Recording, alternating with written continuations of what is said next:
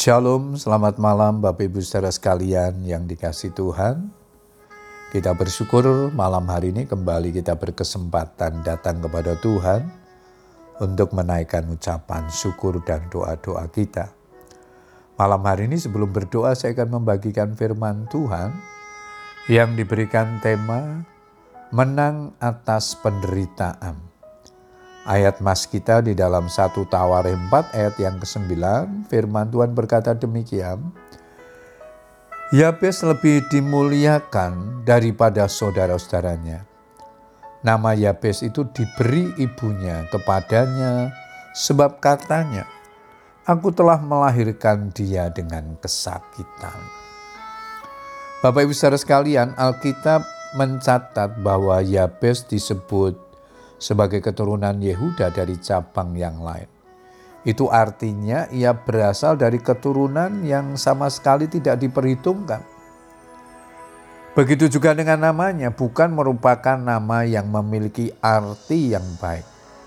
Nama Yabes itu berarti sakit, membawa kemalangan dan kesusahan. Namun pada akhirnya hidup Yabes dan namanya pun terdaftar sebagai orang-orang yang dimuliakan. Mari kita belajar dari doa Yabes apa saja yang kita bisa belajar dari doanya yang dijawab oleh Tuhan. Yang pertama, doanya tidak bertele-tele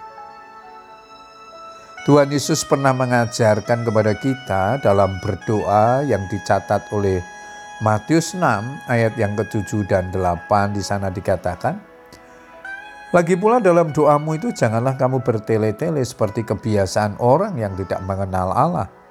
Mereka menyangka bahwa karena banyaknya kata-kata, doanya akan dikabulkan. Jadi janganlah kamu seperti mereka, karena Bapamu mengetahui apa yang kamu perlukan sebelum kamu minta kepadanya.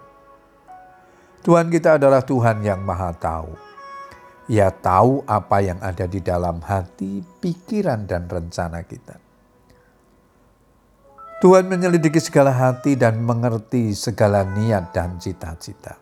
Karena itu, Tuhan mengendaki kita untuk berdoa dengan tidak bertele-tele, melainkan doa yang singkat, jelas, dan tepat pada sasaran. Itulah yang dilakukan Yabes dalam doanya. Hal yang kedua yang kita bisa belajar dari doa Yabes adalah Yabes tidak mudah putus asa.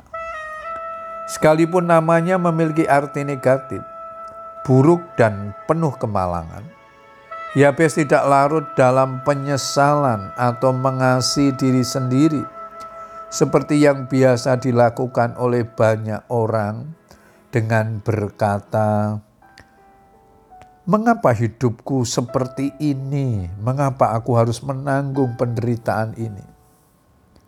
Ia juga tidak menyalahkan keadaan, menyalahkan orang tua yang memberinya nama, apalagi menyalahkan Tuhan. Yabes berjuang untuk mengalahkan penderitaan yang tertulis dalam namanya dengan hidup mengandalkan Tuhan sepenuhnya. Karena ia sangat percaya bahwa tidak ada perkara yang mustahil bagi Tuhan. Tidakkah Allah akan membenarkan orang-orang pilihannya yang siang malam berseru kepadanya? Dan adakah ia mengulur-ulur waktu sebelum menolong mereka? Lukas 18 ayat yang ketujuh. Bapak Ibu saudara sekalian, orang yang bersemangat dapat menanggung penderitaannya. Tetapi siapa yang akan memulihkan semangat yang patah? Demikian nasihat Amsal 18 ayat yang ke-14.